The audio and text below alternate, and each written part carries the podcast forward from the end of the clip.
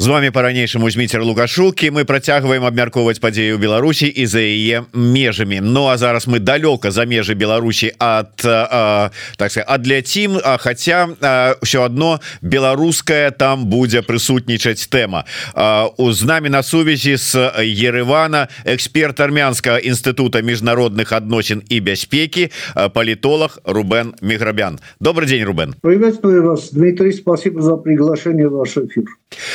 Спасибо, что несмотря на то, что я так понимаю, немного нездоров, э, температура, но э, согласился прийти на эфир. За это Конечно. отдельное спасибо. Рубен, давай, может быть, э, чтобы... Не, я хотел сразу поставить видео, но я задам перед видео все-таки вопрос, потому что, ну, не секрет, почему мы решили встретиться и поговорить на политологические разные темы. Это заявление премьера Армении Армении э, господина Пашиняна о том, что Армения э, ставит на паузу или замораживает участие э, страны в ОДКБ. Для вас, как для политического политического активиста, политолога, такое решение Пашиняна, насколько оно стало неожиданным? А, собственно, что сделал Пашинян? Пашинян сделал констатацию текущего положения вещей, согласно которому, да, реально, Армения де-факто ни в какой форме не участвует э, в работах в рамках ОДК. И, э, собственно говоря, заявление Пашиняна было именно об этом, и здесь нет ничего нового. Почему? Потому что Армения не участвует в этих саммитах или встречах других уровней. Армения сменила работу своего представителя и посла в ОДКБ отправила на другую должность. Третье, что сделала, не восполнила те квоты, которые каждой, каждой стране члену положено заполнить. А Армению это, в общем-то, больше не заинтересовало. И Армения отказывается принимать учения ОДКБ, и Армения отказывается участвовать в любых других учениях ОДКБ, где бы то ни было. И в конце мы видим, что военно-техническое сотрудничество Армении со странами-членами ОДКБ на данный момент нулевое. И это слава богу. Если это не заморозка или не де-факто выход, тогда что такое де-факто выход? Собственно, об этом и сказал Пашин. То есть вот... А действительно а, это де-факто выход Армении с АДКБ, потому что, ну, как бы, ну, восприняли так, ну, заморозили, осторожно, а потом, ну, мало ли что, вернулись, разморозили. То есть это выход. Ну, смотрите, давайте не становиться пленниками разных слов. Э, да, русский язык довольно-таки богатый, там очень много синонимики и, и так далее. Но в реальности что? Если мы де юре пока еще остаемся, то это пока не выход, но то, что де-факто мы не участвуем, это да, заморозка.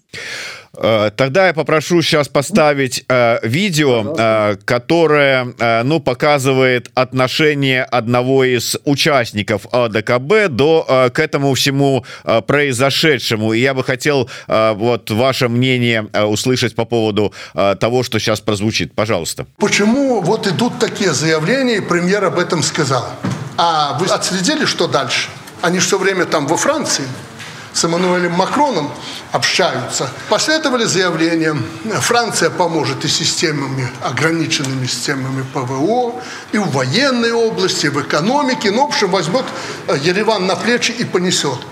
Никто никого не понесет. Вы видите, что происходит во Франции, поэтому политикам в Ереване надо очнуться, и по-народному говоря, не надо терять то, что есть. Возьмите Грузию слава богу, устанавливаются нормальные отношения, прежде всего с Россией, с нами, экономика поднимается. Попробовали легкого хлеба на Западе. Американцы уже про Грузию забыли. И как только грузины шевельнулись в том плане, что это их страна, независимая, суверенная, Запад начал на них давить. В том числе и прежде всего Соединенные Штаты Америки. Ну так надо сделать соответствующий вывод.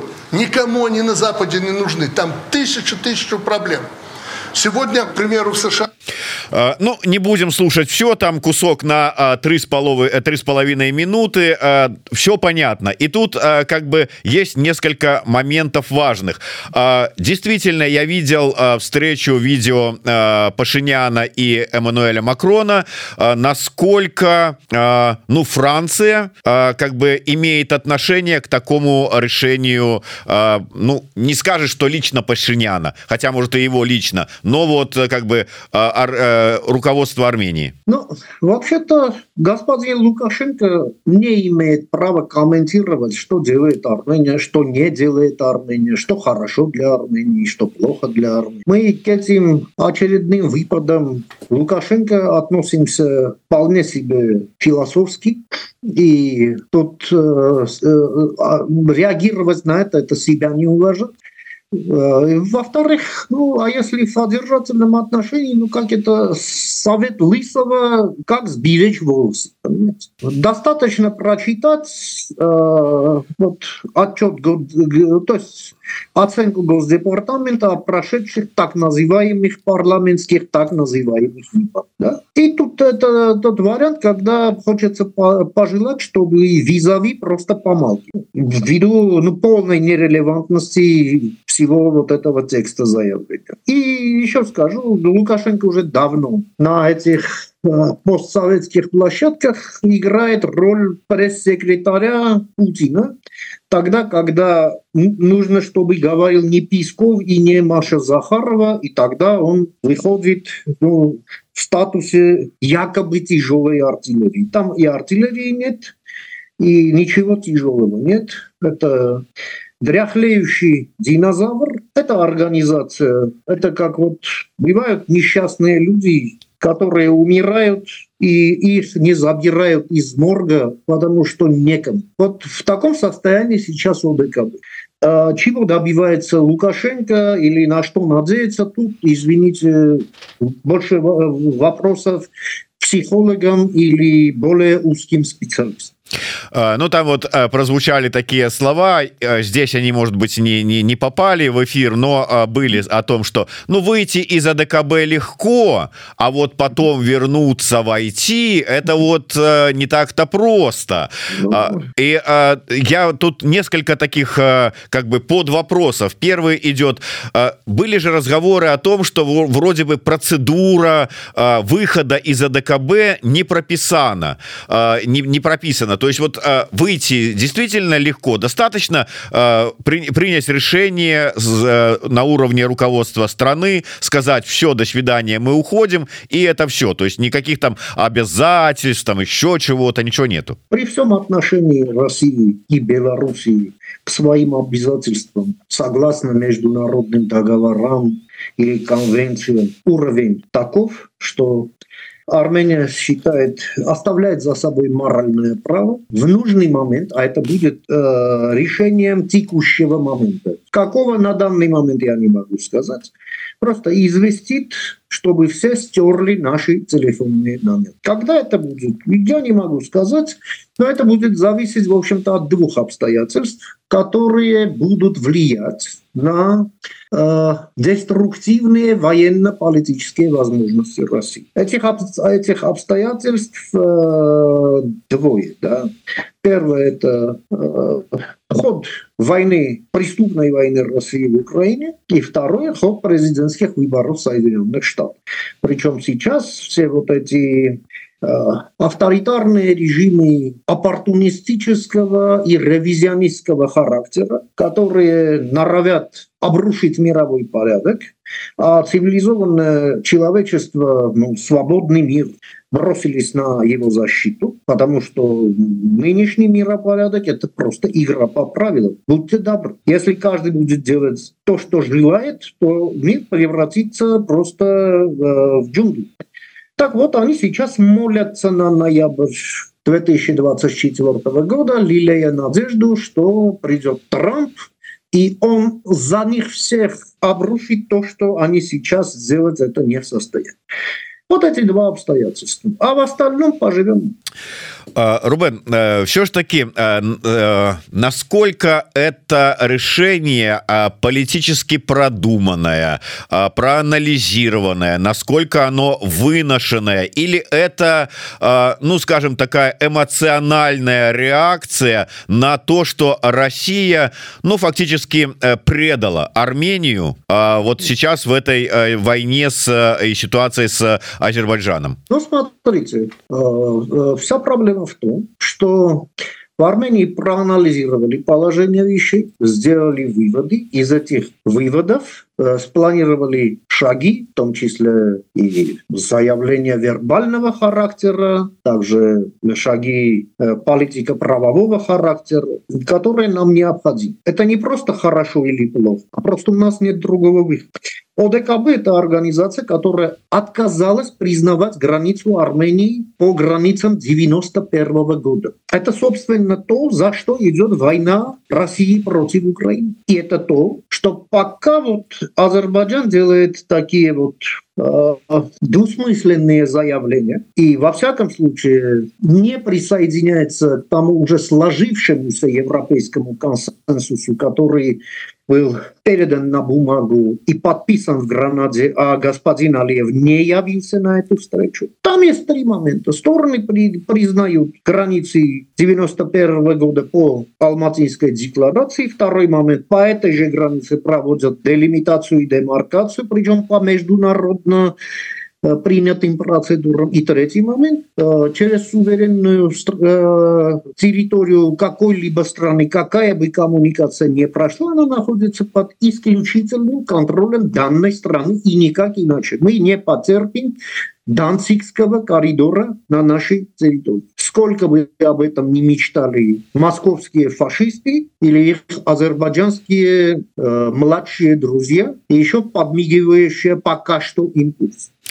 Вот, Рубен, э, с, с одной стороны, я с тобой э, согласен. Вот в таких оценках, э, ну, как бы взаимосвязи э, Азербайджана и России. С другой стороны а, прости может быть немного неприятное но а, когда я был в Армении особенно когда я был в Арцахе ну или как называют на горном Карабахе там были очень сильны пророссийские настроения. Но это было правда там по-моему в восемнадцатом году я был. Все говорили Россия наш брат Россия наш друг там мы никогда от России знаешь вот а, то есть то, тот эпитет который ты э, сказал в отношении Азербайджана можно было применить и к Армении, к армянскому народу. Ситуация изменилась? Нет, не к армянскому народу, а к его арцахской части которая заплатила высокую цену за свое такое вот э, э, отдаленное, мягко говоря, отдаленное от реалий предубеждение. Чем это закончилось, вы сами знаете. Теперь э, беженцы живут в Армении. Если вы у них спросите, что они думают о России, то их мнение вам придется записать под грифом 21+. Поэтому э, людям свойственно менять свои оценки э, в силу разных обстоятельств. И, как говорил генерал Моше Даян, не меняются только ослы. Ну, ну а, так, так оно и есть. А, а я просто продолжу. Рубен, а можно ли ожидать, что теперь позиция Еревана и по поводу украинского конф... а, войны в Украине, и по поводу Лукашенко того же самого будет более, ну, резкая, скажем так. Ну и что коньяка своего Лукашенко, ну, который там где-то хранится э, на, на винзаводе, где-то на коньячном заводе в Ереване, он уже не увидит той бочки. Я тоже так думаю. И он далеко не желанный гость у нас. У него в Армении остался один друг, скажем, с позволения сказать, это бывший олигарх Гагик Царукян, э, который присутствовал ну, буквально 2-3 недели назад на этом позорнейшем собрании в Москве. Ну, типа там про свободу народов, освобождение от колонизации и так далее. То есть очередное, очередное сборище ну, вот, э, российской клиентели. И ну, это было просто ну, грустное зрелище. И еще он встретился с таким авторитетным кавычков деятелем, как Дмитрий Медведев, э, и написал в своем фейсбуке, что якобы он попросил господина Медведева взять под крыло Армению. Да? Можно подумать, там его кто-то об этом просил, или, допустим, Медведев трезвый или не трезвый на что-то способен. Да? То есть э, это вот э, раболепие, э, недостойное поведение просто. Но Лукашенко делать нечего говорить. Вот, собственно. Мы в нем не нуждаемся. И, кстати, посольство Беларуси в Армении, оно единственное, которое находится в огороде господина Царукина. Там есть огород вокруг его особняка, и там на окраине огорода посольство Беларуси, причем это вне Еревана. Ну, дальше выводы делайте сам.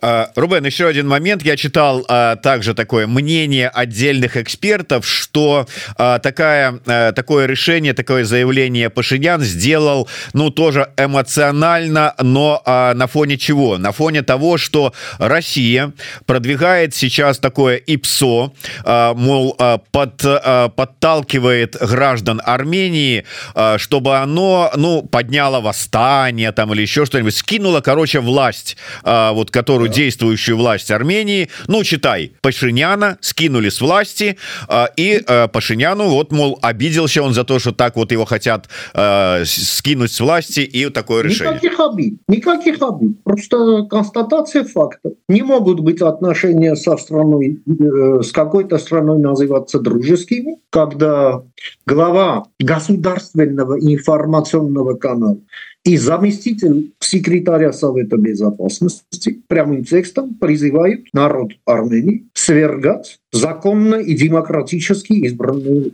ну, Просто тут никаких эмоций не. Нужно из этого делать выводы и просто объявить этих людей персонами нон-грата и дальше вести дела, исходя вот из этих реалий. Что, собственно, Армения делает. Никаких, абсолютно никаких эмоций. И быть не должно никаких эмоций. Должны быть четко продуманные шаги с осознанием своих национальных интересов, интересов безопасности, в логике управления рисками и в логике минимизации возможных шоков. Вот, собственно, из чего мы должны исходить. Из всего перечисленного вы не услышали слово там, эмоции или там и так далее. Да.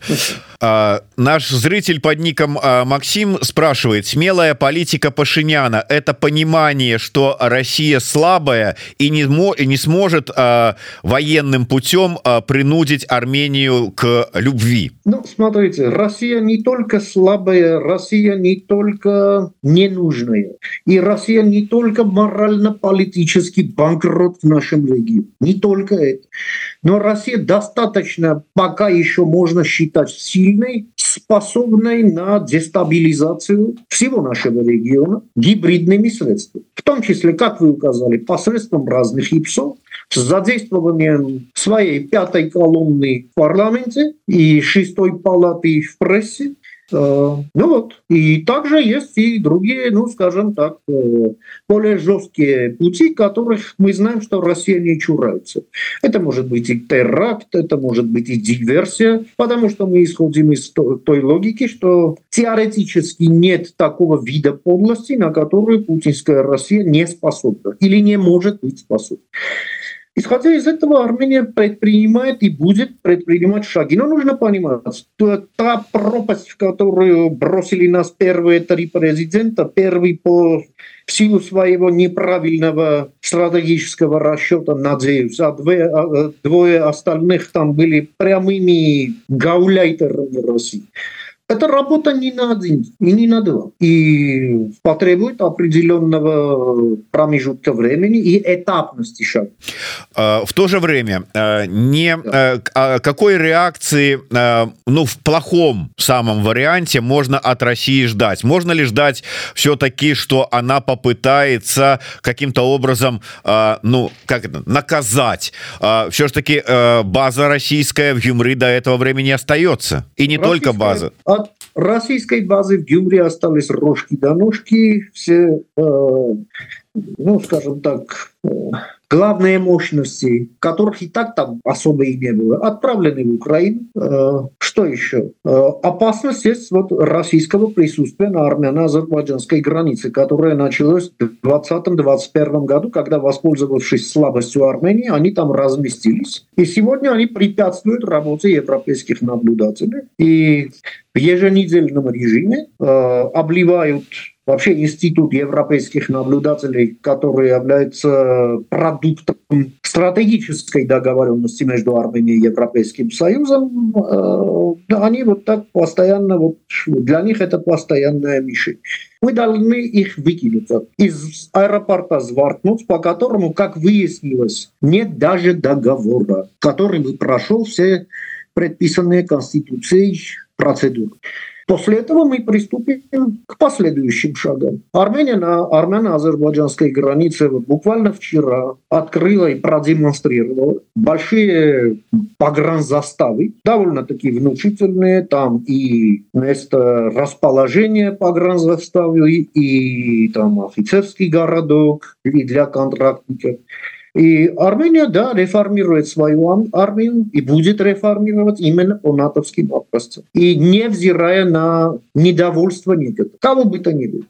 И пусть другие не разносят такую идею, что получение самолетов Азербайджаном из Пакистана это самолеты за мир, да? а радары из Франции для Армении, ну это против мира. Как хочешь, так и это самое принимать. Нет, но это не нужно оскорблять разум и выставлять самих себя на посмешище. Э, Рубен, э, армян очень много во всем мире, в том числе и в России. Э, насколько месть Путина может быть такой, что он сейчас будет мстить тем армянам, которые проживают в России? И я сейчас не про Марго Симонян, а про нормальных людей. Там есть, там армяне в России очень разные, они дисперсно так живут по всей этой необъятной территории, от Сахалина и Камчатки до Калининграда, там от казахстанской границы до полярного круга. Вот вы знали, что в Якутске, оказывается, есть самый северный храм армянской апостольской церкви. Вот, чтобы вы представили, за всеми не угонишься. Но, учитывая те абсолютно гестаповские практики, которые имеют место быть в России, и желание э, насолить Армении, ну и преследуя определенные цели, они могут привлечь некоторые не слишком умные круги для выполнения этой вот непотребной функции. Это может быть. А остальным будет предложен выбор. Лояльность, э, соответствующие взносы, да, ну и сидеть тихо. Как говорил товарищ Берия, лучше сидеть дома, чем просто сидеть. Это да. А, Рубен, а все-таки а, вот эта ситуация с, а, ну, фактически выходом из АДКБ на армяно-азербайджанский конфликт каким-то образом повлияет? Безусловно, повлияет. Я хочу заверить вашу, в том числе азербайджанскую аудиторию, причем ту ее разумную часть, которая составляет, как показывают соцопросы 70% азербайджанского общества, причем это не мои, да, они за мир. Я хочу их заверить, что это шаг, направленный на облегчение продвижения к миру, на устранение препятствий, которые чинит нам Россия, и им тоже Россия на пути к миру. Почему? Потому что если в момент X Армения и Азербайджан установят мир. В момент X плюс 5 минут Россия в нашем регионе схлопнется, причем исторически. Она уже банк. И она а, здесь только по инерции. А возможности вот именно такого э, глобального мира э, между Арменией и Азербайджаном есть на сегодня? Если объективно смотреть, если абстрагироваться от интересов режима Алиева и реальных интересов азербайджанского общества и азербайджанского государства, то мы в положении без пяти минут мира. Потому что тут э, уже договариваться не о чем. Все ясно. Граница 91 -го года, она э, подписана не только Арменией и Азербайджаном, но и Белоруссией, Украиной, Россией, да? странами Центральной Азии. И нужно просто следовать это. И не может быть никаких таких э, умных причин, почему три года задержано, ну, по меньшей мере, уже почти полтора года. Азербайджан не только не намерен, но не выказывает своего намерения идти по этому пути, но еще и предпринимал э, реально вторжение на территорию Республики Армения. Сейчас удерживает в оккупации примерно 200 квадратных километров нашей территории. Причем той территории, которая входит в состав Армении по границам 91 года для большего разъяснения. Территории Советской Армении по состоянию 91 года. Нужно двигаться дальше. Они отказываются признавать эту границу. Они отказываются проводить делимитацию и демаркацию по этой границе. И у них, видите ли, такие вот эксклюзивные условия, ну, такие пропитанные духом победобесия, которые там уже четвертый год длится, или третий, что или вы нам даете беспрепятственный проезд из э, Азербайджана в Азербайджан, то есть материковой части Азербайджана на Нахичеван, и вообще ничего не смотрите и не подходите, не хотим вас видеть, или мы вам ничего не ответим. Вот что говорит Азербайджан. И мы должны понять, да, у нас была вражда, да, и вражда для людей, и дружба для людей, это все для людей. Но мы хотим сейчас понять, по состоянию на 26 февраля 2020 года, кого мы видим в лице Азербайджана? Это добросовестный партнер в деле установления будущего мира в нашем регионе во благо наших стран, причем мира всеобъемлющего, достойного, долгосрочного, или страна, которая намерена продолжать Э, все эти свои токсичные дискурсы от прихлебателей э, Алиевского режима, называя всю Армению западным Азербайджаном, вытаскивая из бабушкиного сундука какие-то нерелевантные карты и так далее. Пусть Азербайджан определится и скажет прямым текстом, да или нет. Дмитрий? А, Рубен, э, на э, заключение так два коротких вопроса. Первый, все-таки к тебе как э, к политическому аналитику. Как ты думаешь, вот это такая позиция, такое решение Армении может повлиять и каким образом на остальных членов АДК ДКБ? Вы знаете, тут э, сложно последующую возможную позицию разных стран э, объединить под э, какой-то общий интеграл. Мы понимаем, что у каждого своя специфика, своя проблема. Тут можно только гадать. Мы посмотрим. Во всяком случае, как вот Лукашенко говорит, после выхода Армении ОДКБ не развалится. Вот это единственное место, где я с ним согласен. И вообще нам не интересно развалится, не развалится, загорится или э, погаснет. Избавьте нас, пожалуйста, от этой головной боли. А вот э, от этих двух обстоятельств, которые я назвал, они предопределят в течение времени и позицию остальных стран-членов ОДКБ, причем и в Восточной Европе, и в Центральной Азии. Э, и последнее. Э, вот у нас тут пишут э, комментаторы Армению в НАТО.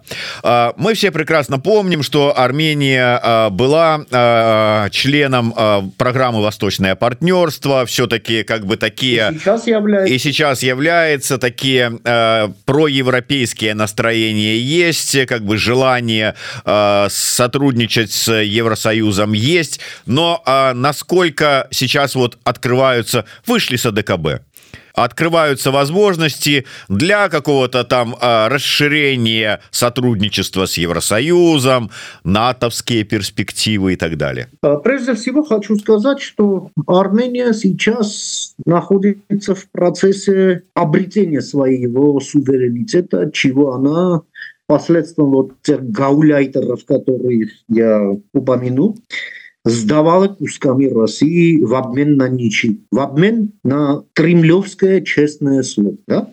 Мы восстанавливаем то, что написано в первой статье и, и второй статье нашей Конституции. И будем это делать невзирая на между, э, разные междометия с берегов Москвы. Вот, собственно. И поэтому кто о чем говорит, мы будем вырабатывать тот алгоритм, который будет содержать в себе, конечно, логику минимизации риска. Мы не намерены сделать так, чтобы лечение оказалось опаснее самой болезни. Да? И каждому свое время. Но мы будем это делать. Пусть ни у кого не возникает сам.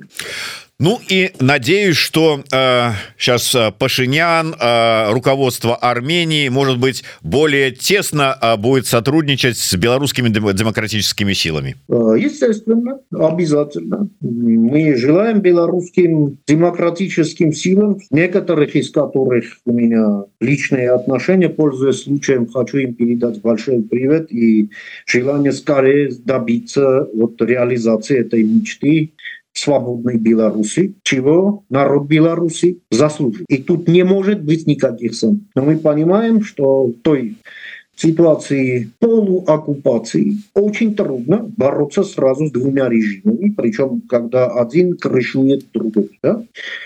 Что ж, легко не будет, легко не будет, но я уверен, что этот день придет, когда обрушится крыша. И обязательно, потому что люди смертны, и как говорил герой Булгакова, смертный внезапно. Да, а Аленушка уже э, масла очень много на, на посла, запасла. Спасибо большое. Э, с нами на связи с э, э, Еревана был э, ар, э, армянский э, политолог, эксперт Института, Института международных отношений и безопасности Рубен Миграбян. Живе Беларусь! Живе вечно и слава Армении! Спасибо.